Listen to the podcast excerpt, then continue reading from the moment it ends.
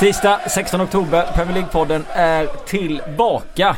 Småländsk röst istället för Patrik Syk och hans evigt stora kärlek till Liverpool. Så ska det handla om annat idag. Eller vi kan kanske krypa in lite av det också. Eh, Frida Fagerlund välkommen. Kalle Karlsson välkommen. Tack. Hur Tackar. mår ni? Ja hur mår du Frida? Ja, nej men jag, jag är ju på randen till, till att bli förkyld. Sen, eh, Var det så roligt alltså? Ja, eh, så, tur att man kan se det med glädje tycker jag. Det är lite fnissigt här inne, ni får ta det. ja nej men, eh, ja men ni vet så här när man, man balanserar mellan att man vet inte riktigt om man är förkyld eller om man är på Ja. väg att bli förkyld eller om man faktiskt kommer att klara sig. Eh, så att eh, jag käkade fruktsallad igår för att liksom verkligen försöka få bukt på det här. Så Vilka punkter lägger du in i salladen för att bli av med förkylningen? Nej men jag gillar inte äpple i fruktsallad. Jag älskar äpple och bara äta ett äpple. Ja. Men i fruktsallad det är fruktansvärt alltså. Så att jag käkar bara så här, det ska vara banan, vindruvor, hallon och clementiner. Apelsin då? Ja men det är alltså Ja, citrus liksom. Ja. Och sen är jag allergisk mot kiwi. Eh, så jag käkade det ändå. Det var ju inte bra för att då blev jag så här i munnen typ. Alltså det blev så här svullen. Men eh, förutom det så tror jag att det funkar faktiskt. Frida ska vara läka, läkarpodden. Ja precis, jag ja. tänkte just det. Det här receptet det känns som en riktigt husmorsrecept jag alltså. Det är inte något vedertaget i. Kalle, är det 2 plus, 3 plus på dig? 4, 1? Ah, 1 skulle jag säga eh, idag. Eh, men eh, jag har också lite sådär antydan till förkylning. Det börjar klia i halsen och sådär. Eh, men eh, ah, kanske kryper upp mot två plus här mot eftermiddagen. Nu kan det ju bara bli bättre. Ja det kan det faktiskt bli. har inte så mycket positivt till inledningen här men en ska vi prata om nu. Eh, Jag kan tänka mig att Raheem Sterling eh, vaknade minst 4 plus i, idag. Ja kanske till och med fem. Han har inte Ja. gjort mål på, vad var det, tre år i landslaget. Ja. Och sen eh, lyckades han eh, sätta två mot Spanien. Och, Bra eh, fotboll, fina inte, vilka, mål. inte vilka mål som helst heller. Eh, ja, det var eh, riktigt häftigt att se England upp till en nivå som man inte har sett dem prestera på, på väldigt länge. Nu gick de ju långt i VM och eh, hade en eh, ja, positiv eh, framgångsvåg i, i, i det mästerskapet. Men jag tycker inte att de nådde den höjden som de gjorde i första halvlek igår. Eh, de var ju faktiskt eh, de var ju lite ifrågasatta under VM också. Hade de mött något riktigt bra lag ännu Mm. och sådär. Det här var ju ändå Även om Spaniens framgångsera är slut och den är verkligen på väg ut för och deras, den här supergenerationen börjar ju eh, Så. droppa i nivå nu så eh, tycker jag ändå det var en eh, enorm triumf för Englands del. Dels att de fortsätter med den här fotbollen som de hade i somras och dels att de här, den här nya generationen verkligen etableras i landslaget i alla fall och kan prestera på det här sättet. Den där fronttrion där känns ju som att de kommer kunna leverera i många år framöver. Alltså Southgate har ju verkligen lyckats med den här generationsväxlingen och man trodde ju kanske lite att alltså ett VM är ändå ett VM. Man kan ha lite flyt och sådär genom turneringen. Mm. Men så går de in här och de ändrar för det första systemet. De kör med fyrbackslinje. Det var rätt länge sedan de gjorde det. De ändrade väl till trebackslinje mot slutet där när Kyle Walker kom in. Men det är ändå ett nytt system. Det var ganska eh, många nya spelare Mm. ändå. Liksom Harry Winks och, Chilwell och Chilwell fick chansen. Ja, och Gomes också Mm. inte minst. eh, istället för John Stones. Och ändå ser det sådär bra ut. Det visar ju att han, han har ju verkligen hamnat där han vill. Och det känns som att det finns ingen stopp på hur många unga spelare han kan trycka in i laget. Och det ser ändå, fortsätter ändå se bra ut. Alltså han slänger in Trent, Alexander Arnold, liksom 19 bast och det, det fortsätter se bra ut. Alltså det, det finns ingen hejd på det. Mm. Jag tyckte det kändes lite roligare att se England igår också. Alltså jag ska Ja. inte säga att de var jättetråkiga i VM men de var inte alltid så roliga i vissa men Nej jag håller, håller med dig alltså. om det. Alltså jag tycker inte heller att de var så roliga i VM som eh, De gjorde mycket mål där i gruppspelet Mm. med mycket fasta situationer och varianter och mot väldigt eh, beskedligt motstånd. Men Mm. igår var det ju en enorm fart och en enorm kvalitet. Alltså de där Mm. målen de gör när Barkley chippar in den och så. Det är ju, eh, ja, det är ju den absolut högsta nivån. Och är det är riktigt, riktigt kul att se att, eh, att det är ett nytt England. Att det är ett England där eh, ja, givetvis de här Sterling, Rashford eh, får glänsa. För det är ju ändå eh, de här spelarna som stått på tillväxt i några år och man bara väntar på att de ska göra det på den internationella scenen ordentligt. Och sen också att de får in Harry Winks på mittfältet tycker jag som är en spelartyp som England inte riktigt har haft sen egentligen Paul Scholes. Och när Paul Scholes var i landslaget så användes han ju ofta inte eh, i den rollen som han hade i Manchester United utan Svennis knuffade ut honom på vänsterkanten och var allt möjligt. Nu har ju England faktiskt fått in en spelartyp som om man egentligen har saknat sen Jack Wilshere eh, mm. börjar drabbas av skadeproblem. Det är mm. en spelare som är riktigt bolltrygg och som kan styra rytmen i spelet. Och det tycker jag är eh, Det är spännande inför framtiden med det här engelska laget. För dels är eh, åldersstrukturen talar för att de har en riktigt eh, liksom vass generation. Och sen har de en VM-framgång som de har liksom fått nu i ryggen. Mm. Det kan mycket väl vara ytterligare ett steg framåt till nästa mästerskap. Kan de vara framme och, och kriga om det hela vägen in. Det finns ett mod också på något sätt i, i det här laget. Och det känns som att de verkligen har eh, så enormt högt självförtroende. Eh, bara det här med att när Dyer går in och tacklar Ramos liksom, han sätter ribban direkt där mm. att, att här ska, ni ska liksom inte, vi bryr inte oss om att ni är Spanien Nej. och att ni har en massa titlar och framgångar utan här, här ska vi fram och man spelar ju sig igenom så det ser ju, svårighetsgraden är ju hög men det ser oerhört enkelt ut och så oerhört lekfullt ut. Eh, och Harry Kane får man ju ändå säga att visst han gjorde, gjorde inga mål men det spelar ju ingen roll när man spelar på det sättet och serverar bollen fram till, till sina medspelare. Så att okay. där, där finns så himla mycket, mycket att ta av. Och jag tänkte på det här med generationsväxlingen också att Um, alltså både Jamie Vardy och Gary Cahill har ju sagt att nej men vi, de la ju av nu i landslaget uh, efter VM här och ja, Cahill var ju inte ens med i VM men ja. Um, och de gjorde det med motiveringen att det är dags att släppa fram en ny generation och att de verkligen kände att de trodde på det här som Southgate håller på med. Alltså att han försöker slussa in uh, unga spelare hela tiden och de ville uh, uppmuntra uh, det ännu mer. Och, och det visar ju också att det känns som att alla nu i hela England tror på det här och, och mm. bara att få det förtroendet eh, från engelska fans och, och, alla runt omkring och media och så vidare. Det är inte det lättaste och att det är just Southgate som har fått det. Det är ju dels ganska förvånande med tanke på hans bakgrund och hur han fick jobbet och sådär. Men det är också oerhört, oerhört imponerande. Det känns mm. som de verkligen, de är inte ens klara. Det, det kommer ju bara fortsätta bli mm. bättre och bättre. Ja men absolut. Eh, jag ska be om ursäkt för ordvalet av skitlag. Det var kanske inte så respektfullt av mig. Eh, när jag använde de här, eller tänkte på de länderna som de mötte under, under VM. Men det jag funderade på igår. Det är klart att Spanien är på väg eh, ja, De är lite osäkra. De är inte lika jämna i sin, i sin prestation. Även om de slog kroaterna väldigt övertygande. Det var därför jag blev så förvånad över att det såg Alltså England, England spelade sjukt bra igår men samtidigt de målen som, och de ytorna ibland som, som Spanien släppte till var ju ganska, ganska dåligt rent mm. ut sagt. Jag tänker alltså, på första målet fram till Sterling där den yta, han får slå bollen och på fel sida och hela den biten. Får ändå tänka på vilka spelare som det spanska landslaget ja, var utan. När man går tillbaka ett par år vad de hade för lag ja, då och så absolut. vidare.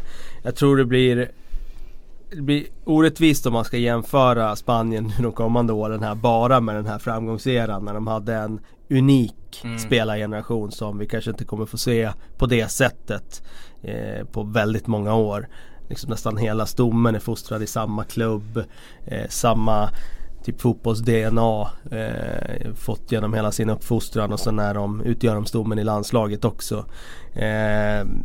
Så jag tror att Spanien kommer gå ner till att vara nu en väldigt bra fotbollsland men kanske inte uppe på den där nivån. Jag tycker man ser det om man tittar på lagutställningen igår att det är inte det är inte det Spanien som det har varit tidigare. De är fortfarande väldigt bra men Ska man spela på det sättet som de gör med så hög risk och så vidare då måste du ha spelare som är exceptionellt bra. Det tycker jag inte de har längre. Jag tycker att de var eh, ja, De spelade England i händerna. Eh, sen var mm. England väldigt, väldigt bra också. Och det var därför de vann. Men eh, eh jag, jag, tycker det är ganska uppenbart att Spanien är ganska kraftigt på väg utför. Ja men, jo, men lite så men det ska bli ändå spännande tycker jag när man Nu så hade man Kroatien matchen och man torskade nu då efter haft, ja, var utspelade i första halvlek. Se vilken nivå man hamnar på tycker jag alltid är intressant när det har försvunnit väldigt bra fotbollsspelare. Hur blir det? Blir det upp Mm. och ner så här eller kan man ändå hitta en nivå som är hyfsat okej? Att man ändå når slutspel i mästerskap, man går alltid till mästerskap. Ja men det kommer man ju göra. Men det jag tänker på också det är ju som Ramos och Busquets. Mm. De är ju inne på sista versen Ja, nu verkligen. som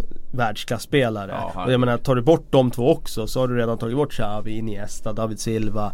Alltså det är rätt mycket kvalitet Det som känns har som att det är de två sista egentligen Ja i, här. den stommen Ja, ja, i den stommen. exakt. Så att jag, jag, jag tror att det är ganska eh, logiskt att, att deras storhetstid är över. Sen får man säga att de hade ju lite otur att de inte liksom kom tillbaka in i matchen i andra halvlek. För det var ju ganska solklar straff i det läget. Ja, ja. Och jag menar då hade vi kanske pratat om Pickford i andra ordalag. Ja. Jag menar nu hyllar vi hans passning där till eh, Ja. ett av målen där när han bara skär upp en vrist eh, som landar som en gräddtårta där på Jag vet inte vem det var som tog emot den där på mitten men eh, Det var väl Barkley? Ja det kan ha varit Ja. Barkley då ja, exakt.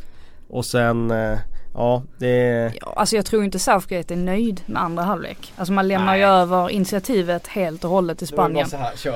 Ja, och det var väl egentligen dubbelbytet där med Paco och Ceballos. När de kommer in så känns det som att de tar över helt och hållet. Och hade matchen varit 10 minuter längre, jag tror fan det hade blivit 3-3. Ja det, det är jag också övertygad hade om. gjort två till under de Ja. tio sista. Och det var någonting jag lade märke till med just Paco. Alltså det märks ju att den killen har ju också, det är så mycket självförtroende i honom är- just nu han så att det är ju- sinnessjukt. Hur han agerar i straffområdet precis innan han nickar in den här bollen. Mm. Han står och tittar liksom som att han är helt ointresserad.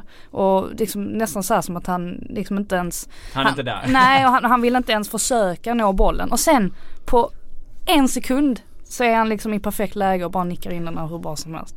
Så att det är väl klart att det finns kvaliteter i, i Spanien också. Och jag tror ju definitivt att Southgate, eh, han vill ju se till att de inte hamnar i liknande situationer framöver. För att Mm. trots att du är två mål upp som de var stora delar där, 3-1, så det är inte, det kan gå snabbt. Det ska bli spännande att se om England kan hålla det för att det var så mycket som var briljant igår. Kanes framspelning, Rashfords framspelning till första. Allting timing, rörelse. Allt det där. Om man kan hålla det liksom under, under en längre period och sådär. I det landet med den pressen och alla skriverier och allt som har varit tidigare. Om det här landslaget kommer fortsätta klara sig så pass bra trots Jag tror att de har hittat en spelidé som eh, både spelarna och ledarna och alla känner att den här bär. Och sen när de har den där farten där framme med Rashford, Sterling så tror jag just det här omställningsspelet som man såg i VM också men som vi såg igår. Att jag tror att eh, det är tillräckligt vasst för att ställa ställa alla lag på prov. Så att eh, jag, jag ser inte någon anledning nu till att inte den här framgångseran skulle fortsätta för England. Det de har påbörjat här. Och med tanke på att eh, de är ett av de yngre landslagen i, i, av toppnationerna i alla fall i världen så ser jag snarare att de kommer bli bättre och bättre. Och återigen på, påminns vi också om hur bra Marcus Rashford är i landslaget kontra hur det ser ut i United just nu.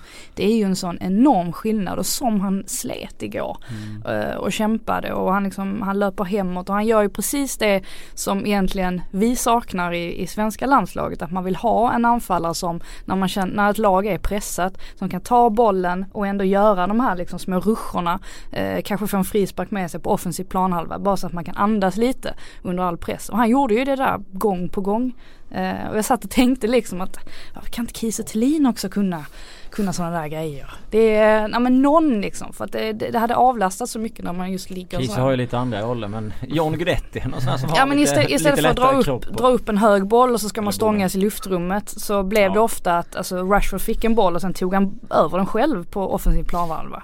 Och så Men höll jag den tänkte där. på det du sa med att vara bättre i landslaget än i klubblaget. Det känns som att det är ganska många som just tillhör Manchester United som är det. Du ser ett mönster. Ja men alltså Viktor var ju, han var ju hur bra som helst borta mot ett Ryssland som hade liksom öst in mål. Och så nollade Sverige dem. Vi var ju där i Kaliningrad och kollade. Han var ju, han var ju likadant vi mötte Turkiet. Vi släppte in tre mot Turkiet men Viktor var ju kanonbra.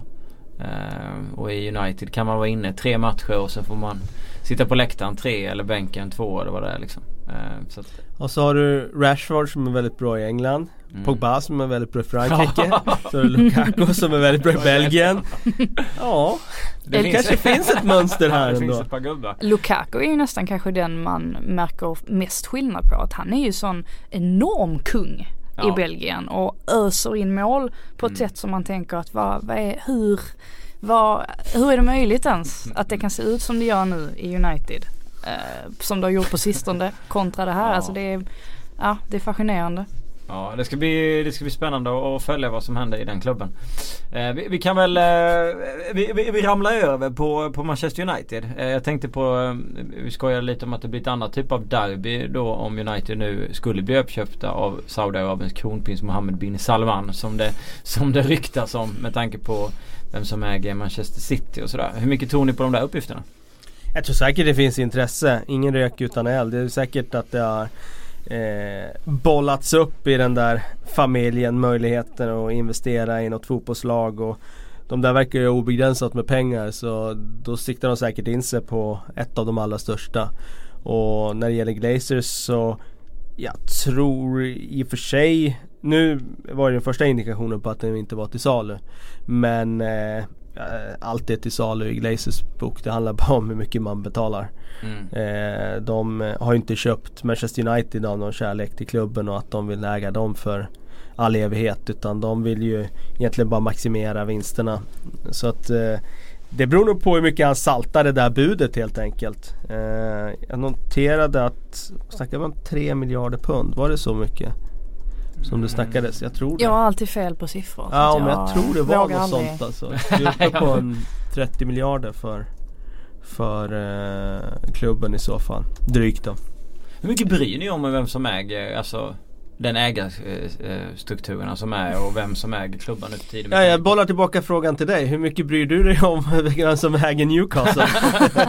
eh, ja men som ni förstår så bryr jag mig fruktansvärt mycket med tanke på eh, att det är Mike Ashley. Alla andra får äga den klubben förutom Mike Ashley. Lite så känner jag. Nej men så här är jag, jag, det är klart att jag bryr mig om hur ägarstrukturen i engelsk fotboll har förändrats. Alltså förut var det ju den eh, lokalt förankrade affärsmannen som hade någon slags intresse av att äga Burnley. Mm. Eh, och så vidare. Och nu har vi en situation där det nästan är utländskt ägande på alla klubbar. Och det är klart att det kommer att avspegla sig i den eh, Premier League eh, liksom produkt som kommer ut i andra ändan. Det blir ju eh, De ägarna kommer ta beslut utifrån vad som är intressant för dem. Och eh, det kanske inte alltid är det som är intressant för, för oss som har följt ligan som dess begynnelse höll jag på att säga. Eh, det är klart att man vill väl att det ska vara mer lokalt förankrade ägare. Som mm. har en koppling till regionen, staden, laget och så vidare. Men vi kommer nog aldrig komma tillbaka dit. Nej det känns som att Men för att svara på din fråga, jag bryr mig om vilka som ja. äger klubbarna i Premier League. Eh, och man blir ju ännu mer det, Man blir mer agg desto mer Alltså eh, Profitsökande de är. Ja. Eh, jag kan sympatisera någonstans med Roman som köpte, köper Chelsea och som eh, faktiskt faller pladask för fotbollssporten och som är och tittar på varenda match i början och som verkligen lider med laget och mm. vill ha ett bra fotbollslag och vill vinna Champions League och det är det han liksom vill. Jag har ju inte så mycket till övers för Glazers som köper klubben, inte där och tittar på matcherna för de är inte intresserade av fotboll. Däremot är de väldigt intresserade av Manchester Uniteds varumärke. Mm. De vet att de kommer kunna dra in enorma pengar på det här och de har klubben som en leksak. Så det här då skulle det kanske inte vara någon så stor skillnad för dem egentligen att få den här ägaren mot just när det gäller att inte bry sig. Eller tror du de har Saudi Kronprinsen 33 år 3 miljarder pund står det. Att Glazer skulle kan det verkligen stämma? Att budet var, är ja, det. Ja det precis, att budet är det. Att de inte vill sälja för det heller. Ja men det stämmer. 30 miljarder ungefär. Det var det jag sa. Ehm, Nej jag vet inte vad eh, Det är svårt att bedöma vad liksom intresset är från ägaren. Eh, jag har svårt att se att, eh, att de skulle göra av kärleken till klubben eller fotbollen så utan det är nog mer för att de ser en PR-väg mm. liksom. Mm. Det är, så, det är så jobbigt också för man kastar sig mellan olika etiska dilemman samtidigt. Man tittar på en sån klubb som Manchester City som rent sportsligt sköts eh, klanderfritt egentligen och de har ju ja. på ganska få år fått ihop ett eh, lag som konkurrerar med alla andra lag i, i hela världen. De kanske i mångt och mycket är, mm, ja de är i alla fall topp tre världens bästa. Eh, samtidigt så finns det en mörk sida eh, som många har tagit upp tidigare eh, som inte är lika trevlig där man bryter mot mänskliga rättigheter och så vidare. Så att det är ju, finns ju hela tiden två sidor av myntet. Och jag kan förstå som supporter att det är ganska, man kastas i det här med vill man ha en Mike Mike Ashley som Nej. Eller, nej men så som kanske inte bryter mot mänskliga rättigheter och inte har hela Jo, den. ja. det- Jo, det- Han har, ingen, han har ingen respekt för någon annan människa. Det är det som är problemet för. Nej, ja, men, eh, ni greppar vad jag menar. Ja, jo, vill man det är hellre ha det eller vill man ha liksom saudier eller en Abu Dhabi grupp liksom med människor som, Ja. eh, Men det var är lite ju- som eh, Qatar var, alltså PSG var ju så på det sättet. Då tänker man ju på hur det är i det landet och de kommer in och pumpar pengar där, betalar löner. Du har eh, Red Bull som köpte klubbar i, i Tyskland och, Mm. och, och Österrike. Eh, och det har varit väldigt mycket mycket agg mot dem också. Jag tycker väl att läskedryck inte är lika farligt som eh, när länder med ja, en annan syn på, på mänsklighet och, och jämlikhet och allt möjligt sponsrar klubbar. Men det beror ju på ja, hur man själv eh, ställer sig till. Jag tycker det Ja, är men svårt. för, för 15 år sedan var ju Abramovic det värsta exemplet. Ja. Då tyckte man ju att det där, uh vad vidrigt, Ja. usch, usch. Liksom bort med ryska Ja, olje, absolut. eh, liksom, ja. Men nu idag så är ju det faktiskt, ja men precis som du säger Kalle, han är ju faktiskt en av, en av få ägare i, i, i de här toppklubbarna som faktiskt bryr sig. Ja, och och du är van genuint- vid det också. Man är ju van till det här. Ja så är det ju, så är det ju. Det är Ja. klart att jag har också funderat på det här när du ställer frågan om Mike Ashley där. jag- Fram och tillbaka. Ja, när det kommer upp eh, potentiella köpare. Skulle det här vara bättre och sådär. Men- Och sen då när man känner hur, hur mycket dåligt Mike Ashley har gjort under den långa perioden han har varit och hur irriterad man har varit och allt det där liksom. Då känner man att han måste bort till varje pris. Det spelar nästan ingen roll vem det är som kommer in. Men sen är det ju det där också med ägare att man vet ju inte om gräset är grönare Nej, på den andra sidan. Nu tar jag inte just, jag tänker inte på Mike Ashley Nej. utan jag tänker mer på Blackburn till exempel. Men de fick ju i en tid då när Premier League fick in mycket utländska ägare och när murarna uppåt var väldigt höga och man som supporter för en klubb på under halvan den enda möjligheten för att överhuvudtaget kunna drömma det var att vi måste ha en egen Roman Abramovic. Mm. Och så får Blackburn de här indiska Venkis Mm, som kommer in. Eh, och de blir ju liksom mottagna på ett eh, bra sätt för att eh, här kommer det någon som vill ösa pengar över oss och, och så vidare. Men sen kommer ju Ja det, det, det hinner inte gå så himla lång tid innan de börjar prata om helt orimliga värvningar som Ronaldinho och allt möjligt. Och sen går allt bara käpprätt åt skogen. Och kolla på Blackburn idag. Eh, så att jag är inte helt säker på att eh, de här just ägargrejerna är svåra att bedöma. Mm. Eh, det, det, det, du vet vad du har. Eller du har i alla fall en, ett hum om vad det innebär för din klubb, vad du har. Men du vet inte vad det är du får. Och Mike Ashley har eh, var, ja, varit hemsk för Newcastles del men det finns ingen garanti för att det blir bättre. Nej. Eh, eh, Men det tror ju jag. Jo, alltså man kan ju utgå från att det inte blir sämre men man vet Ja, inte. nej, det- man nej, vet inte. sant. Hade det varit bättre att få in Wenkis som ägare? Nej, det, Ja, det är och- inte säkert. Och i slutändan, precis som i allsvenska klubbar där man kör efter 51% regeln så handlar det ju i slutändan om vilka som sitter i styrelserummet. Har du kompetenta människor där så är det klart att din klubb går bra. Likaså är det ju med de här utländska ägarna som kommer in. Är det folk som, som faktiskt eh, känner branschen eller anställer folk som känner till branschen väl och sköter det bra. Det är klart att det blir bra då. Så att det är ju egentligen det allt handlar om. Vad det är för typ av människor som, som kommer in Mm. i Och där tror jag ett problem är också, jag håller med dig om att säga att Wenkis kommer in eh, och tar över Blackburn som de gjorde. Eh, då kanske de har kontakt med någon. Men de har inte be- förmågan att bedöma, är den här personen som vi vänder oss nu till, är den kapabel och kompetent nog för att få en roll som Director of fotboll och liksom ska styra hela Blackburn med allt vad det innebär. Och då, då tror jag det är risk för att det blir som det blir i vissa fall. Och så har de någon rådgivare som är lite sådär, ja, eh, inte rätt man på rätt plats och så blir det som det blir. För de själva kan inte göra den bedömningen. Och där ser man ju bristen av att de själva inte har någon fotbolls liksom, förankring. Mm. Uh, vi pratar om Manchester United, vi stannar där. Uh, vi har en svensk mittback där i Victor Nilsson Lindelöf. Han får en 4 av 10 i betyg av Manchester Evening News och de skriver att han det finns en risk att han blir ihågkommen som en jätteflopp i deras formulering. Men 4 av 10 för sin tid i Manchester United eller för Ja vad? den här eh, starten på säsongen som Starten jag på förstod säsongen, okej. det. Eh, med, eh, jag tror att det var Jag ska göra en snabb googling. Men alltså känns det inte som en Men vad, vad får övriga mittbackar en, för eh, liksom, betyg? en häxjakt mot Victor ofta. Ja men varför övriga? Varför Smalling? Varför Bagi och, och sådär? Det, det är ju... Men alltså den spontana eh, känslan. Eh, ja de har eh, betygsatt så här långt. Betygsatt är, med tunga ligastarten i baktanken lokaltidningen Manchester Evening News gett sig uppdraget att betygsätta United-spelarnas insatser så här långt. Så då tolkar jag det som att det är den här säsongen. 4 av 10. Men du har inte betygen för de andra Jo jag har betygen av de här. Men jag känner lite spontant. Men vad är betygen för de andra? Ja. För det måste man ju Mm. sätta i ett sammanhang. För har de fått bättre, då kan vi ju börja snacka om Valencia har en fyra. Ja. Damian har en fyra, Småling har en sexa, Bay har en fyra, Phil Jones har en trea, Lindelöf har en fyra. Rojo har inget betyg, Luke Shaw har en åtta, Ashley Young har en sexa.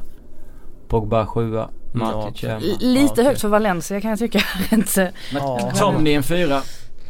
Eh, ja det är väl det ungefär så. Då är det ju fler som eh, blir eh, li- lite kölhalade där ju. Alltså det är egentligen hela Hela defensiven försvaret. Ja, förutom, förutom Luke Shaw. Ja och Young hade Young ganska som bra. var inblandad i båda målen mot Newcastle. Ja. Där han inte Men annars kan jag hålla med om, jag tror att Viktors största problem egentligen det är ju att han är Mourinhos värvning och att han kostade mycket pengar. Ja. Och då blev det genast att det blev eh, mer press på honom. Ja. Eh, för att han har kostat klubben mycket. Och sen så blir det på något sätt att eftersom att han är Mourinhos värvning också så eh, kanske det är lätt att klumpa ihop eh, de två. Och så ser han nu, eller så ser alla nu att Mourinho verkar ju inte lita på Lindelöf med tanke på att han inte låter honom spela längre. Och då blir det väldigt enkelt att sätta det där betyget. Vi, vi studerar ju Viktor på ett annat sätt än vad andra journalister eller engelska journalister gör. Så, så blir Så det ju. Och de har ju redan ett narrativ där. Så det, det, det känns som att de letar fel i filmen så fort han går ut på en fotbollsplan i Mm. Premier League. Så att jag tror att det är lätt att det blir eh, så. Och då finns det ju också en risk att, att det där blir en självuppfyllande profetia. Att om de har bestämt sig för att han ska stämplas som, som flopp, vilket de egentligen gjorde redan förra hösten. Då är det ju risk för att den bilden är ju väldigt svår att sätta bort i Ja, England. Ja, det är det jag menar. Det känns som en, en, en sån typ av eh, ja, ja, häxjakt eller vad man ska kalla det mot, mot honom. Eller runt honom så fort det skrivs honom. Så är det ju så. Jag tror att det är sådär i England att Jag tror inte att det är något just mot honom så. Jag tror att det är naturligt om du tar de största klubbarna som har satsat så otroligt mycket pengar. Om du tar Manchester City eller Manchester United. Om de floppar. Vilket man får säga att Manchester United har gjort de Mm. senaste, ja vad ska vi säga, 10 månader eller vad ska vi säga. Något sånt. De kom tvåa i ligan i fjol, men, ja. Men eh, det var ändå en underprestation om man, tar, om man väger in vilken fotboll de spelar och att det är en klubb som ska bjuda på underhållande fotboll och om läktarna ska vara nöjda och allt det där. Så tycker jag att de underpresterar i tio månader. När en klubb av den digniteten underpresterar då kommer det finnas syndabockar. Och det är tränaren som kommer vara syndabock. Det kommer, vara, det kommer också pekas på enskilda spelare som inte har presterat. Och då blir det ju sådär att då vägs det in vad spelarna kostar och så vidare. Och jag tror att eh, vi kanske upplever det som här att, att Lindelöf eh, har blivit liksom, men det, det är ganska många i Manchester United som har fått ganska hård kritik. Pogba har ju knappast undgått. Luka, Lukaku har ju också i perioder fått väldigt hård kritik. Sanchez, har varit artiklar om honom och varför han underpresterar. Eh, Bailly var ju faktiskt eh, totalsågad efter sin insats för Brighton borta. Så att jag tror att det, det är naturligt att det är eh, spelare i de allra största klubbarna som hängs ut. Sen tycker vi det är väldigt tråkigt att, att, eh, att Vigge har hamnat i, i just deras eh, ja, skottglugg. Mm. Men det är just det här som är så obegripligt för mig när Viktor nu eh, kommer till landslaget. Eh, jag har i alla fall inte sett en enda svensk krönikör skriva ett negativt ord om Viktor Lindelöf någonsin. Eh, och, och, verkligen inte på det sättet som engelska krönikörer skriver i alla fall. Eh, därför är det så obegripligt för mig att han inte tar vara på den här tiden med landslaget och var, alltså är öppen mot media och verkligen försöker få ut sin eh, eh, ja, men vad han känner och tänker och, sådär och verkligen försöker fånga folkets hjärtan på ett annat sätt. För att här kan han ju, har han ju chansen att få den här, det, alltså, liksom samla, samla på sig lite mer självkänsla eh, när han är med landslaget eftersom att han just presterar bra och alla ser ju det också. Det är väl ingen som har hängt honom mm. för någon förlust eller för något resultat eh, det senaste året. Därför är det obegripligt för mig att han sitter på en presskonferens och svarar på frågor som han gör. För han borde förstå att det här är hans chans att verkligen kunna utnyttja, eller nyttja snarare, att han i alla fall, eh, alltså folk tror på honom här i Sverige. Jag är alltid för öppenhet så att jag hade definitivt gillat att han hade gjort det. Jag tror att problemet är att han kanske inte riktigt antingen ett vågar, två får säga vad som helst för den klubben. Men han kan prata om sig själv. Han behöver inte prata om United, han kan prata om sig själv. Så jag tror att eh, Jag tror att de, jag, jag håller med dig eh, i grunden av att eh, Jag tror också att han hade kunnat utnyttja den plattformen eh, på det sättet som du menar. Eh, det jag tror att, jag tror att de är ett är medvetna om att saker förstoras upp och mm. minsta lilla som han antyder åt ett eller annat håll kommer i England blåsas upp till någonting och Enormt. de vill inte ta den risken. Jag tror att det handlar bara rent om en pragmatisk bedömning. Han har en lön där han tjänar x antal kronor i veckan. Eh, han är beroende av att få spela. Säger han fel sak i det här läget som blåses upp där och så vidare ja då, då kan det vara så att eh, liksom han hamnar ännu längre utanför. Så att jag tror att det är det. Sen behöver det inte bli så men det finns en risk när man eh, liksom är undersatt under, under lupp av engelsk press då, då finns det alltid en risk att saker blåses upp. Sen om man lägger exakt, väger varje ord man säger i guldvåg innan man uttalar dem då kommer man hantera det och då kommer de inte eh, kanske få sin rubrik. Men det är inte alltid man klarar av att säga exakt rätt saker när frågorna kommer. Jag tror absolut om han hade stått i en, i en mixad zon och han hade pratat om att han tyckte det varit jobbigt, han hade mått dåligt ibland och sådär. Eh, och det kunde ses som ganska harmlöst och att det inte har varit jättedjupa dalar när han står och pratar med oss i Sverige och vi skriver texter om det. Men som du kallar inne på, det är nog därför jag inte tror att han vågar. För att om man säger någonting av det och sen skruvas det något rejält i England och så finns det i varje Jo men jag tänker att det, det hade Vill... kunnat vara hans chans också att säga att uh, nej men jag vet att jag kan prestera mycket bättre än, än vad jag har gjort och uh, jag har fullt fokus på liksom fortsätta jobba på det här. Alltså man behöver ju inte, jag menar Shaw var ju smart på sätt och vis när han gick ut och gjorde sin lång intervju nu för några veckor sedan. Han, när han hyllade Mourinho och liksom sa att uh, Mourinho har verkligen uh, satt mig på, uh, ja vad säger man, han har verkligen lagt press på mig och det har varit nyttigt för mig i slutändan för jag har jobbat tio gånger hårdare. Varför inte säga en sån sak då? Nej men alltså, ja jag, jag kan köpa det här att han kanske är rädd. Men jag tycker väl att han ska kunna ha rådgivare runt omkring sig som kanske förklarar för honom då att det här är din chans och verkligen, eh, ja, alltså verkligen få, få folkets hjärtan med sig. Sen är det väl den där bubbelgrejen han pratar om. Att han är i sin bubbla. Han kanske inte vill prata om sig själv. Nej. Det finns ju människor som...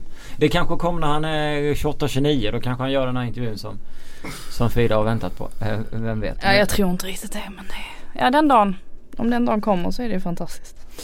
Ja, eh, nej men eh, eh, han spelar ju inte mot Slovakien så vi se om han är tillbaka i, i, i, i Manchester Uniteds startelva. Men om du skulle kolla på hans spelmässiga kvalitet. Tycker du att han är en given person i Mourinhos elva? Jag har inte riktigt förstått vad Mourinho vill ha ut av en mittback egentligen. Um, för att jag tycker att Viktors främsta egenskap det är ju givetvis spel fötterna. Mm. Som han utvecklade väldigt mycket i Benfica.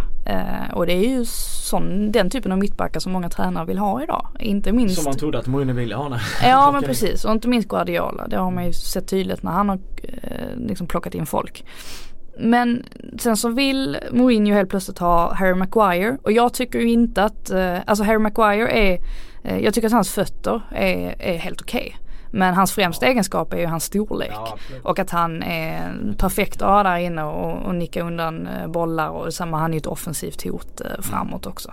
Och det är ju en helt annan typ av mittback så jag blir liksom inte riktigt klok på vad Mourinho, alltså hur vill han spela och sen så slänga ner Scott McTominay i, i, i en trebackslinje. Vad, vad menar han med det? Alltså vad vill han få ut av att sätta ner honom där? Det är det som blir obe- obegripligt för mig. Jag vet, jag förstår inte hur Mourinho tänker och jag tror inte ens att spelarna förstår hur Mourinho tänker heller. Jag tror de sitter där som frågetecken efter varje laguttagning och tänker vad, jaha? Det det blir, blir det, lite komplex. Nej, det blir sånt starkt, eh, det blir sånt starkt, eh, vad säger man, men just att sätta ner McTominay i en trebackslinje. Det blir ju på något sätt ett, ett eh, budskap till de andra spelarna att det kanske inte är eh, det finns kanske inte, det finns inga andra som kan spela där. vad, vad tror du Kalle att eh, Mourinho vill ha ut av en, eh, av en mittback? Eh, egentligen. Och tycker du att Vigge är eh, ett givet namn i hans elva? Jag blev ju förvånad när Manchester United värvade Victor Nilsson Lindelöf. Jag tyckte att han var en av de mest spännande mittbackarna på marknaden i det läget. Men för mig var det inte en Mourinho mittback och det jag menar med det var att eh, För bra fötter. Ja, eh, precis. Man kan ju raljera om det men det finns ju också någon slags poäng i det. Alltså om man tittar på de mittbackarna som Mourinho använt tidigare så är det väldigt stora, nickstarka, eh, lågt försvar, centrera, låt dem komma till inlägg, vi tar hand om dem. Eh, jag såg ju inte en rörlig eh, spelande mittback som en Mourinho-spelare. Därför blev jag väldigt förvånad när intresset kom från allra första början. Nu vet jag att det var du som drev det här spåret Jönsson, så därför litar jag ju på det ändå eftersom jag visste att du inte var snett ute i det här fallet. Men för att vara allvarlig för en sekund så jag tänkte ju då så här: okej okay, är det här en omläggning av spelet liksom? Kan verkligen Mourinho byta livsåskådning nu och liksom börja tänka i andra banor? Eh, så jag var faktiskt väldigt förvånad över att eh, Manchester United eh, ja, gick på Lindelöf-spåret när, när de hade den tränaren. Eh, så jag tror att Mourinho fortfarande vill ha, om du pratar vad han vill ha av en mittback, han vill ha en John Terry. Alltså en stor, stabil, fysisk, bra i luften, eh, bra markeringsspelare. Eh, dugliga uppspel men inte liksom överdrivet bra för vi kommer i alla fall inte använda den typen av uppspel i Mourinhos eh, tänk att vi måste ha en mittback som står och smackar in bollar som Gabriel Milito gjorde på sin tid utan En Maguire. Ja, en Harry Maguire. Mm. Eh, vi ska snart eh, sluta prata om... Eller en Andreas Granqvist. Ja just det, ja just det. Fick in den Vi ska snart sluta Men, eller båda två kanske. Ja. Mittbackspar, Maguire Granqvist. prata om eh, Manchester United. Vi måste ändå eh, titta fram några dagar. Även om jag är mest intresserad av Newcastle Brighton i helgen så finns det ju folk som vill se Ch- Chelsea Manchester United i helgen kanske. Men vad, vad har ni för tankar eh, kring Chelsea United? Ja, det är ju en enorm press på José Mourinho i, till den matchen. Det är, Kan Han han bli foten efter om de förlorar? ja, potentiellt kan han få det. De möter ändå det laget han kom ifrån. Mm. Eh, de möter det laget som var ett stort frågetecken inför den här säsongen. De möter det laget som har charmat alla. Eh, visat att de är en reell titelkandidat. Samtidigt som hans eget lag sladdar ordentligt. Eh, skakar ordentligt. Vann visserligen senast efter en mäktig vändning men det där förtroendemandatet det kan vara uppätet om det blir ett dåligt resultat mot Chelsea. Om det visar sig i den här matchen att Sarri Chelsea har tagit så många steg på så här kort Mm. tid så att de har sprungit ifrån Manchester United så, där Mourinho har varit i ja, är det 15-16 månader i alla fall. Mm. Och byggt och byggt och byggt. Om de redan nu är längre fram och visar det med, med tydlighet rent spelmässigt och såklart resultatmässigt för det är ändå det som kommer väga tungst, tyngst. Då tror jag att det, att det kommer börja skaka ordentligt igen. Hyfsat het är den här Sard också som säkert gärna sänker Mourinho. Ja jag tror det va!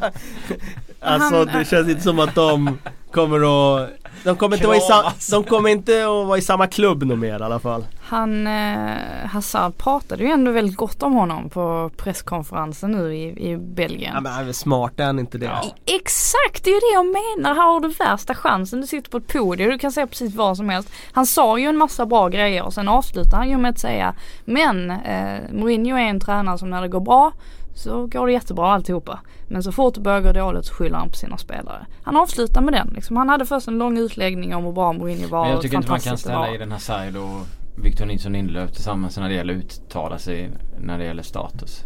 Nej inte status. hade han kommit dit men i jag- Sverige har vi Lindelöf status. Det är en av våra största spelare just Det är nu. lite som när Zlatan avslöjade att han skulle till United. Det är ingen spelare som brukar göra det. För alla är så här rädda över att det där vågar jag inte Så är göra. det ju. Zlatan kör sitt eget. Nej så är det ju. Hazard är ju på en eh, piedestal just nu i världsfotbollen på det sättet att han är uppe bland de allra största. Han kan Han kan säga ja. vad som helst. Vem ska Ja. kunna säga något om det liksom? Han är Ja. ju uppe på Ballon d'Or nivå liksom. Jag hade också varit rädd för uttalen om vi hade spelat under Mourinho alltså. Men nu, jag tror att Hazard är så himla säker på att nu, nu kommer liksom Han kommer aldrig Mourinho mer spela. Nej, Nej, nej det han- kommer inte ske. Nej, eh, det skulle vara om Mourinho går till Inter och Hazard om några år av någon jäkla anledning misslyckas totalt i typ Real och sen så går han till Inter.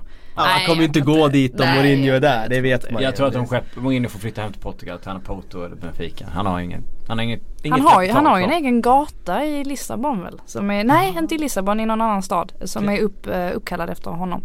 Han kan ju åka dit där. Ja. 13.30 är ju Chelsea Manchester United. 16 är Newcastle Brighton. Viktigt att komma ihåg. Klockan 17, eller 18.30 är det Huddersfield Liverpool. Liverpool som har som vi pratade om en, en rad skador. Vilka är det som kan spela och inte spela? Van Dijk kommer kunna lira. Salah har varit är skadad. Ah. Missar. Mané var det ju lite frågetecken kring. Bröt tummen och James Milner är väl tillbaka. Ja, är han tillbaka Milner? Ja, jag, Ja, vet, okej. jag tyckte att jag läste något om det. Ja, alltså det, det jag vet i alla fall att van Dijk ska vi nog inte oroa oss för. Jag tror att han lämnade för att, ja han kände på sig att det kanske kommer bli lite slitet i kroppen. Jag tror inte att det var något sådär jättefarligt. Nej. Sen eh, å andra sidan det första jag tänkte på när jag såg det här med Salah var att, ja men visst det är jättetråkigt för Salah. Men det känns inte jättejobbigt för Liverpool ändå. För att han har ju inte riktigt kommit upp i den där nivån som han, han hade i våras. Eh, Det, det finns ju ju- andra bakom liksom. Absolut, det är ju bra eh, i så fall kanske att få ett kort break och vara borta någon match och sen kanske komma tillbaka med ny energi. Samtidigt så är det det där som jag alltid funderar kring det där med när eh, en spelare går ner av den där digniteten, går ner lite i nivå så tar du bort han ur laget. Det är fortfarande så att bara av att han är på plan så tar han uppmärksamhet. De måste förhålla sig till hans snabbhet. De, bara av att han är på plan så kanske den där backlinjen ligger två meter längre ner vilket gör att mittfältarna får lite mer tid med bollen, lite mer yta att operera på. Det, ja som sagt, ja, de där de där spelarna av den där kalibern de fyller sin funktion även när de är lite halvt ur form. Eh, och jag tror just i Salas fall, jag, jag inbillar mig att det är bara en tidsfråga innan det kommer en catch-up-effekt och bollarna börjar trilla in. För han har ju tagit sig till lika mycket lägen nu som han gjorde förra året. Men det är klart, det är ju vissa som har hävdat då att nu är han tillbaka där han var i Roma. Han missar en hel del chanser. Och att han liksom tillbaka i den eh, Aldrig liksom, över 16 mål på en säsong. Nej precis, han, så att 16, han 17 gjorde där? 40 i fjol liksom, det var ett undantag. Ja. Men eh, jag, ja, jag inbillar mig att de där bollarna bo- kommer börja studsa in snart. Ja men sen hade han ju det ganska tufft förra hösten också. Som sagt, alltså det, ja. det var ju inte som att han, eh, då var det också det här snacket att oj kolla här nu är Salah fortfarande Men det som han var var i inte Roma. så länge va? Ja, jag, fan, jag vet att jag spelade... Jag vet inte när det började släppa men det var, tyckte ändå att det var ett par månader för att det var inte som att man snackade om honom som den bästa spelaren i ligan. Nej det tog var det inte, inte i början. Nej inte i början. Men det, det tar ju alltid ett tag innan man etablerar sig i det Mm. snacket. Men eh, jag tror inte heller att han är något one season wonder. Han lär väl, eh, han lär väl också komma igång. Eh, men han är nog en väldigt känslostyrd spelare eh, som nog behöver lite självförtroende. Då, Han då kan nog börja rulla på. tre på fem och fem på åtta i början. Sen, Ja. det gick, sen gjorde han, ja, ja, han gjorde en del mål där. Mm. Han gjorde kanske det. Men det kändes överlag som att Liverpool gjorde mer mål förra, förra hösten. För det var ju anfallet som var deras, deras styrka och sen så läckte det fullständigt bakåt. Och nu känns det som att jag har inte riktigt greppat Liverpool än. så länge. eh, Trots att det har gått så här lång tid på säsongen nu. För att de, nu får de med sig resultaten men det ser nödvändigtvis inte, inte jättebra Nej. ut varje gång. Vilket är märkligt hur det kan Ja, vara så helt faktiskt. tvärtom. Men är det skönt innan. att ha den lägsta nivån då? Jo Så- det tror jag säkert men, men när ska de pricka båda två? Alltså Ja. när ska de både göra en fantastisk match spelmässigt och liksom ändå få med sig resultaten? Alltså Det- inte släppa in så mycket mål. bli... Det kommer ju komma sådana dagar också när de Mm. når den där höjden i båda ändarna av planen. Eh, jag tror ändå, om man ser utifrån att de vill vinna ligan så tror jag det här är att föredra. Den här stabiliteten de har Mm. fått bakåt och den där tryggheten att nu släpper vi inte in sådana här skräpmål i parti och minut. Jag tror den bara, bara den tar dem långt för de känner att nu, nu kan det räcka med att göra ett mål. Medan under alla de här Luis Suarez åren där så då var ju känslan att vi måste göra tre, fyra mål för att vi ska vinna en match. Mm. Nu har man ju lagt lite pengar på någon mittback där och någon målvakt med så att då Jo, Det har de gjort. tycker man ju att de Och det ska... har väl varit eh, bra investeringar får man säga. ja alltså van Dijk höjer ju en sån som Gomes också. Jag tror det är jättenyttigt för honom att spela bredvid honom. Alltså för Gomes del att spela bredvid van Dijk. Jag tror att det man, man får ut eh, mycket valuta för de Ja pengarna. det tror jag I också. fler Jag spelare. menar, och även på en sån här som Trent som kommer in och en del av den backlinjen Mm. liksom. Han får komma in i en backlinje som nu är liksom välfungerande och så vidare. Och då kan han blomstra i den också. Så att de har liksom, med van Dijk har de fått tre spelare. Gomes, Mm. Trent och van Dijk. Mm. Van Dijk som mötte Malmö FF i... Och Lovren har de ju också fått CL. och, och bli Mm, betydligt bättre. precis. Så det var fyra spelare. Spelade han inte i något CL-kval mot Malmö och förlorade med Jo, Celtic för tre, fyra Celtic. år sedan? Och Det stämmer. Han var ju inte alls bra i de Nej. matcherna då. Sen gick han ju till Southampton Southampton. väldigt kort efter det. Och det är väl möjligt, för det var mycket snack om van Dijk då när han var i Celtic. Att de där matcherna mot Malmö, för då var det ändå Champions League-kval och så här. Det är klart att det var scouter där och tittade på honom då.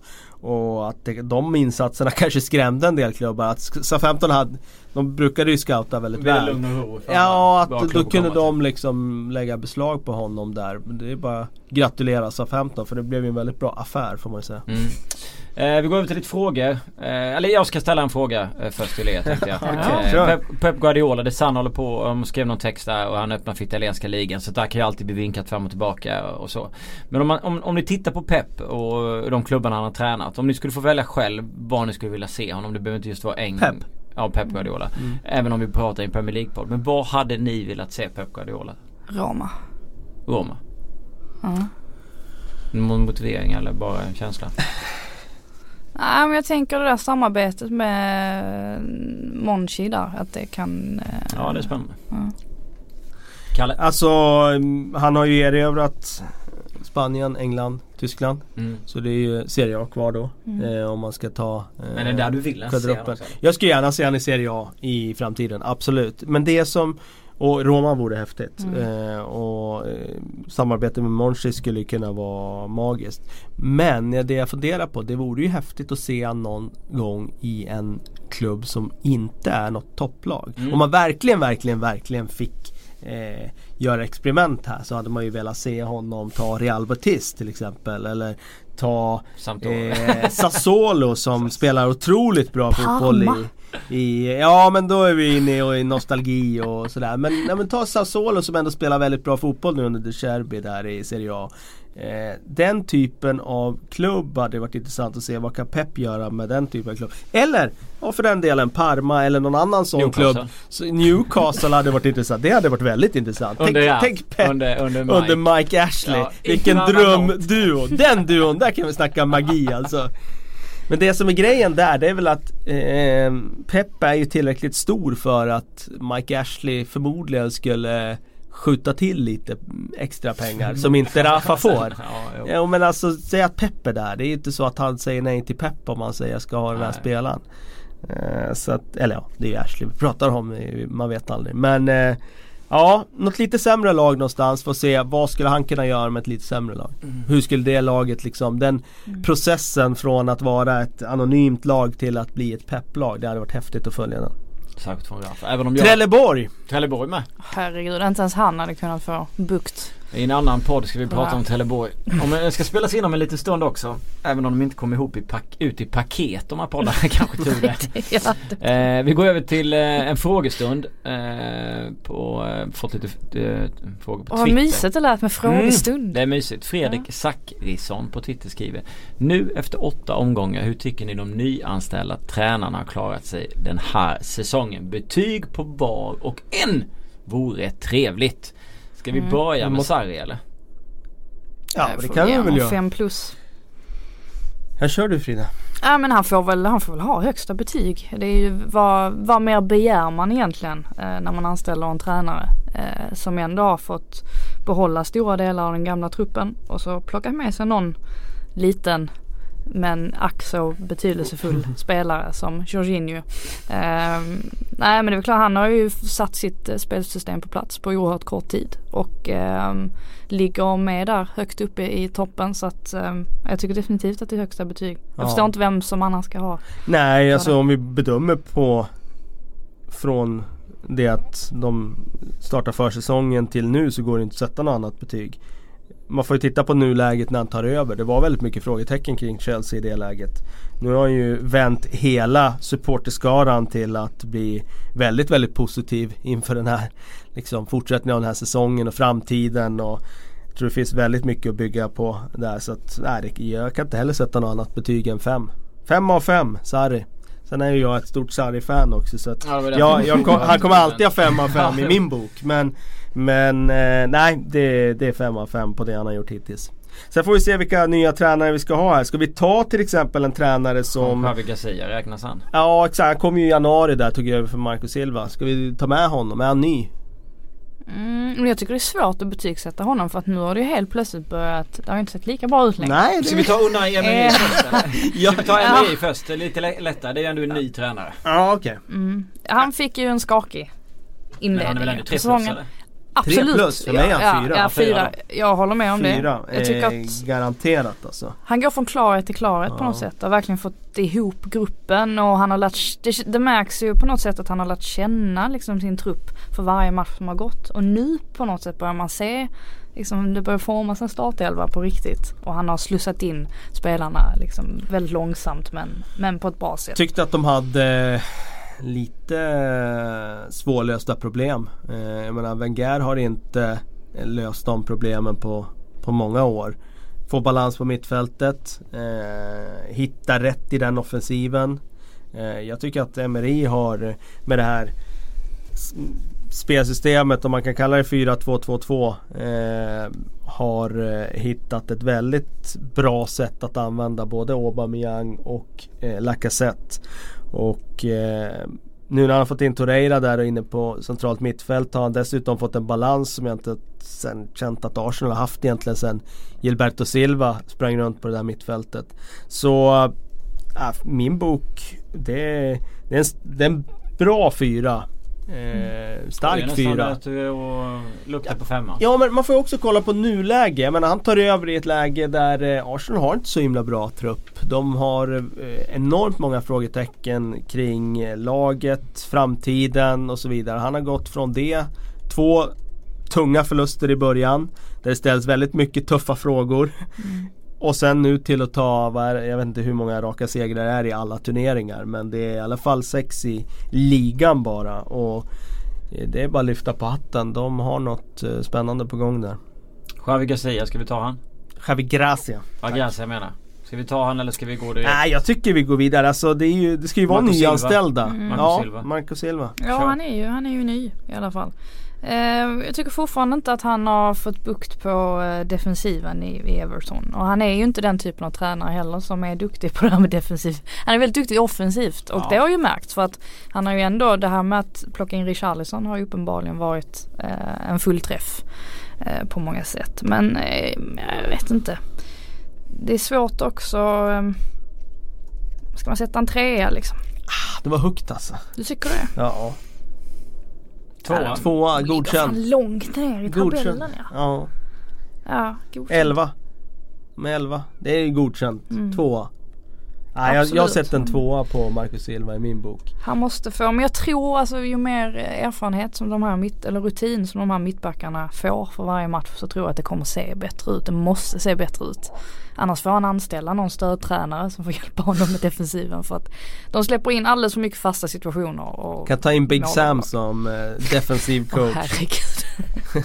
jag tror inte de hade gått bra Det var roligt, Big Sam uttalade sig om Eric Dyer där igår såg jag. Han, eh, han tyckte att eh, det var jättekonstigt att han inte har fått samma cred som Sergio Busquets. Han gör samma sak som Busquets. Ja men sluta. Eh, men det var alltså Mm. ord från Big Sam så att Mm. vi kan nog ta det med en viss nypa salt. Ja, sen är det väl bara Manuel Pellegrini va? Ja, kvar? höstlövet. Blytung start eh, såklart. Eh, och det var väl snack där efter fyra matcher om att han skulle få gå. Som Mm. Frank de Boer fick göra i fjol. Eh, men jag är glad att West Ham inte tryck på panikknappen i det läget utan gav han lite mer tid. För att nu har det ju faktiskt eh, varit några riktigt positiva resultat. Eh, några riktigt lovande tendenser inte minst från offensiven med Anautovic med eh, Felipe Andersen och Jarmolenko så det finns nog anledning att tro att West Ham trots allt, trots den där väldigt skakiga starten kan klättra. Jag var väldigt negg efter den första omgångarna. Jag tyckte det såg så otroligt ihåligt ut. Eh, Jag hoppas att, eh, att han får bukt på, på det. Betyg? Ja, men jag ger han en tvåa hittills. Godkänt. Mhm. Ja. Du var hård mot Silva. ja, jag tyckte det här var lite snällt för att okej jag kan tänka mig att Ja han man kan, fått- alltså, man kan inte ge honom lägre för det är ju underkänt ju. Ja, Men Nej, exakt. det är 15 plats för West Ham än så här länge. Ja, men Jo, jo, men jag tycker att det är för tid... Ja, Men det är fram till nu, det är inte vad som hände Ja, sen utan okej, det är fram till nu. Ja, ja det är klart att det inte det är inte godkänt så att ligga på 15 plats Men eh, Ja det kan ju, ja det är etta, tvåa absolut. Det, Så är det väl. Jag, jag tycker att han har fått ordning på offensiven nu och det gör att jag tycker att han kan få en tvåa. Det var väl lite United-segern där som kanske Ja just det. tryckte upp honom lite. För man förlorade ju mot Brighton i, i förra omgången med 1-0. Alltså det är ju väldigt upp och ner. Eh, Den här branschen är upp och ner Håller du med han? Ett eller två? Nej jag sätter fan en etta. Ja, Alltså. kör Jag köper ettan då, jag, Ah. jag ryggar den då Nu menar Ja men alltså vi skulle ju komma överens om ett okej, Ja jag trodde vi skulle komma överens om ett betyg Ja, eh, Annars står jag fast med min tvåa ja. Ja. Eh, Mattias Linder frågar fem managers som skulle kunna ta över efter Mourinho. Jardim, Zidane. Mm. Ja alltså Man ska Fem, komma ja. ihåg Jardim här, nu får han gå från Monaco här eh, Tung inledning i ligan eh, Jag har inte, kan inte säga att jag har sett Monaco och har riktigt koll på dem i år så Vet inte vad han har för material riktigt att jobba med om det är liksom en grov underprestation eller om det Är det någon ja, spelar över finns- 19? Nej de har ju väldigt ungt lag så men eh, Det är fortfarande en väldigt, väldigt spännande tränare. Jag vä- lägger inte någon större värdering i att han har fått gå från Monaco utan det är bara att titta på vad han gjorde med Monaco i Champions League när de slog ut City för ett par år sedan. Eh, hade då mm, Europas mest spännande manskap. Eh, var den som fick Bappé att blomstra upp där. Det ska han ha jävla cred för. Ja det ska han ha. Och inte bara han utan det var ganska många spelare som idag återfinns i Premier League som, eh, och andra ligor som eh, var otroligt bra under den perioden. Spelar väldigt positiv, bra offensiv fotboll. Så att eh, jag tror absolut, om du tar Jardim, så om du skulle sätta han i Manchester United nästa vecka så tror jag att de skulle eh, få ett lyft automatiskt. Det skulle de få med, med bara automatiskt av en ny röst. Men de skulle också få en lyft av att få in en offensiv tränare som jag tror kan maximera den potential som finns. Vi pratade om en spelare här i podden tidigare, Rashford, som är jättebra i landslaget. Det finns så mycket oförlöst poten- potential i den där truppen som, som inte används idag. Peder du får en annan fråga, okej. Ja, jag skulle bara säga Jardims största Alltså det han kan sätta högst upp sitt CV var ju att han faktiskt fick Bakayoko att se bra ut. Det är ju helt sensationellt faktiskt. Med tanke på hur han har sett ut efter det. Ja, fortsätt. Sebastian Johansson. Fråga, när får Mourinho gå? Vilken månad tippar ni?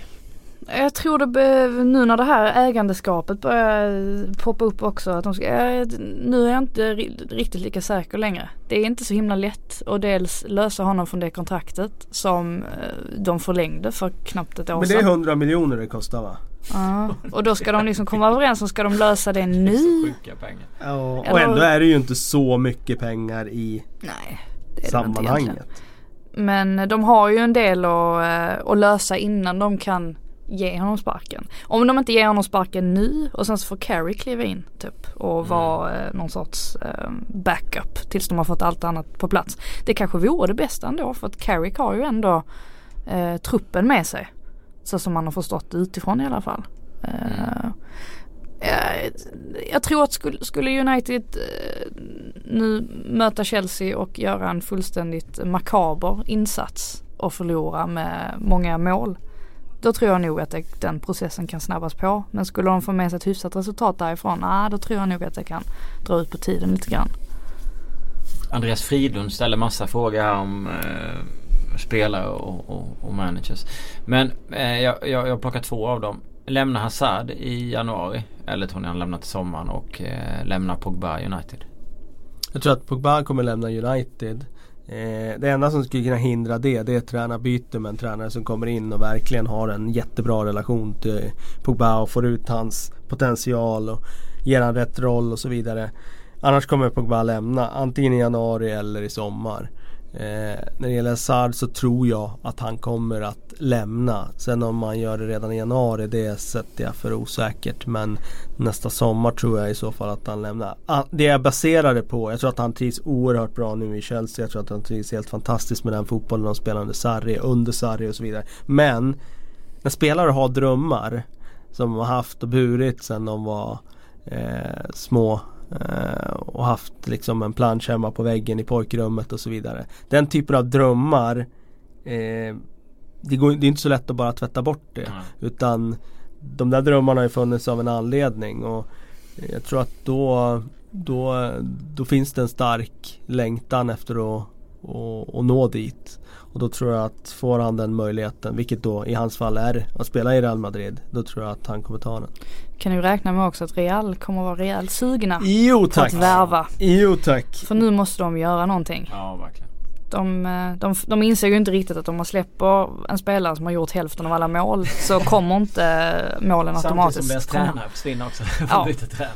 Ja alltså han sitter ju jättelöst där, Loppan och, Ja, och Zidane och Ronaldo dog. Och, och, sånt. Ja. och det är klart att de kommer vilja få in en Galacticos som de inte Mm. fick i sommar, somras på det sättet. Så Mm. att eh, ja, de kommer göra allt och jag sa ju det här i förra podden tror jag att vänta bara nu kommer Marca och de och dra igång sitt Ja. eh, ja, Just sitt maskineri. Ja. Dagen efter eller om det var samma dag eller om det var Det var i alla fall in, väldigt kort efter att vi hade slagit ihop mickarna från podden. Då, då kom den i Marca om Hazard och liksom ja, de kommer ju ösa nu till han är klar. Ja, ja, ja. Jag tror en annan som också ligger riset på det sett ur, om man ska se till supporternas, liksom ur supporternas ögon, det är ju Harry Kane efter den här insatsen också mot Spanien. Mm. Det sätter ju säkert också avtryck. De är ju generellt ganska skeptiska mot engelsmän och, och sådär. Eh, Men att se honom göra en sån insats tror jag definitivt gör att Real-fans mycket väl hade kunnat tänka sig att ha honom i sitt lag. Kevin, tre sista frågorna med lite mer personlig karaktär för oss tre som sitter i den här studion. Ehm, om Fredrik Jönsson fick en roll som massör i Premier League, vilket lag vill du vara åt då? Kalle får tvätta, vilket lag väljer du? Och Frida får köra bu- buss åt vilket lag? Eh, Varför jag bussen? jag vet inte, jag hade ju Bussen. valt att vara massör för Chelsea för att eh, Sarri röker så in i helvetes mycket. Så jag tror han hade sprungit där eh, runt massör, massagerummet och jag har fått snacka mycket med honom. Jag velat få hans eh, liksom syn på livet och vara Eh, Men sån- massagerummen menar du att det, att det är eh, Ja men de byggde ju om något massagerum det här var någonstans för att jag tänker mig att han kanske springer där i närheten och har ett eget rum så liksom kutar han ut Du menar att man får träffa han röka mycket. i massagerummet? Nej men man får träffa honom i närheten. Han hade sitt eget rökrum som han hade i, de mötte väl eh, var det RB Leipzig borta så byggde de ju om något rum för att han skulle kunna röka där inne nära omklädningsrummet. alltså. Eh, och Hamsik hade sagt att det finns ingen som röker så mycket som han och sådär. Man vill ju ändå liksom, och sen vill man ju få hans erfarenhet Det är bara också. för att du är sugen på att röka så vi känner Nej men alltså hans erfarenhet som passiva. tränare, men han känns ju rätt eh, liksom intressant, rätt rolig. Så jag tror jag hade valt Chelsea tror jag. Ah, känns oerhört intressant. Jag Ja. hade gärna spendera ett par timmar med honom. Men jag vet inte tusan om han hade, om du, om han hade sprungit in till dig och rökt där i massagerummet. alltså, Men i närheten han har ju varit och fått mycket tid med. Kalle du får ju mer tänka liksom, vilka, vilka är minst äckliga eftersom du ska tvätta kläderna. Man vill ju egentligen eh, tvätta kläder åt Jimmy Bullard, Bullard för han eh, Som ni minns han eh, åkte ju där i tvättkorgen och sådär. Man vill ju vara i ett lag där det är rock'n'roll liksom. Eh, där de, ja men där de, eh, ja precis exakt. Men då skulle det varit, eh, då skulle det varit under Joe Barton, Kevin Nolan och Andy Carroll. Då hade Exakt. man ju velat göra allt i den klubben. Exakt ja. Nej men jag tänker just Jimmy Bullard för han var ju Han var ju Han hade ju ofta roligt med de där tvättvagnarna. Eh, som, som ni säkert minns. Han åkte i någon sån där någon gång. Ah, ja, jag vet inte tusan alltså. Vem vill man tvätta åt? Alltså Mourinho när han var i Chelsea var han ju avstängd från en match. Och då fick han ju åka i, de gömde väl han i tvättvagnen och körde in han i omklädningsrummet i pausen då. Det hade man ju gärna varit en del av själva den operationen. ja, vad Så det är med klart. Nu är inte han kvar i Chelsea i och för sig men eh, Fan, de, de har ju uppenbarligen någon väg från tvättrummet i Chelsea in till omklädningsrummet som redan är uppkörd. Mm. Men du kanske ska liksom. jobba med, mig ljusspåren och där. Sarri i Chelsea då? Ja. Ja. Ska du köra bussen där Frida? Nej, jag, jag tänker mig så här att jag, jag antar att tränarna ofta sitter ganska långt fram i, i bussarna. Det gör de. Mm, och då hade det varit kul att köra Liverpools buss och så ha Klopp där framme. För det känns som att han och jag hade kunnat ha väldigt bra samtal. En generellt djupa, djupgående. Annars så tror jag att det är jävligt bra stämning i Arsenal just nu. Och att det är så mycket, mycket sång och, och, och, och sådär. Mm. Och det hade också kunnat vara trevligt att vara en del. Ja det kan jag också. Men jag hade nog hellre valt under Wenger. För den där fransmannen sitter och får, och får umgås lite med honom. Ja, Wenger är ju Men världens vet du vad jag tänkte? Jag tänkte mer så här, det hade varit enkelt att vara i typ Huddersfield. För de parkerar ju bussen varje gång. Då behöver man inte åka och leta parkering. Utan då kör man ju bara in Mm. bussen. Ställer den i straffområdet. Alltså, åh, herregud. Det, det var så. 2018 års bästa skämt avslutar ja, absolut. podden. Det är bara Absolut. zoner. Ja, det var bra, Dessutom Kalle. är ju var bra. Wagner väldigt trevlig också. Så det får man ju det på köpet. Ja, det, det är lite Klopp light ju faktiskt. Tack för att ni har lyssnat. Eh, jag vet inte riktigt när vi är tillbaka. Det bestämmer Boss Psyk. Men ha det så bra där ute. Hej!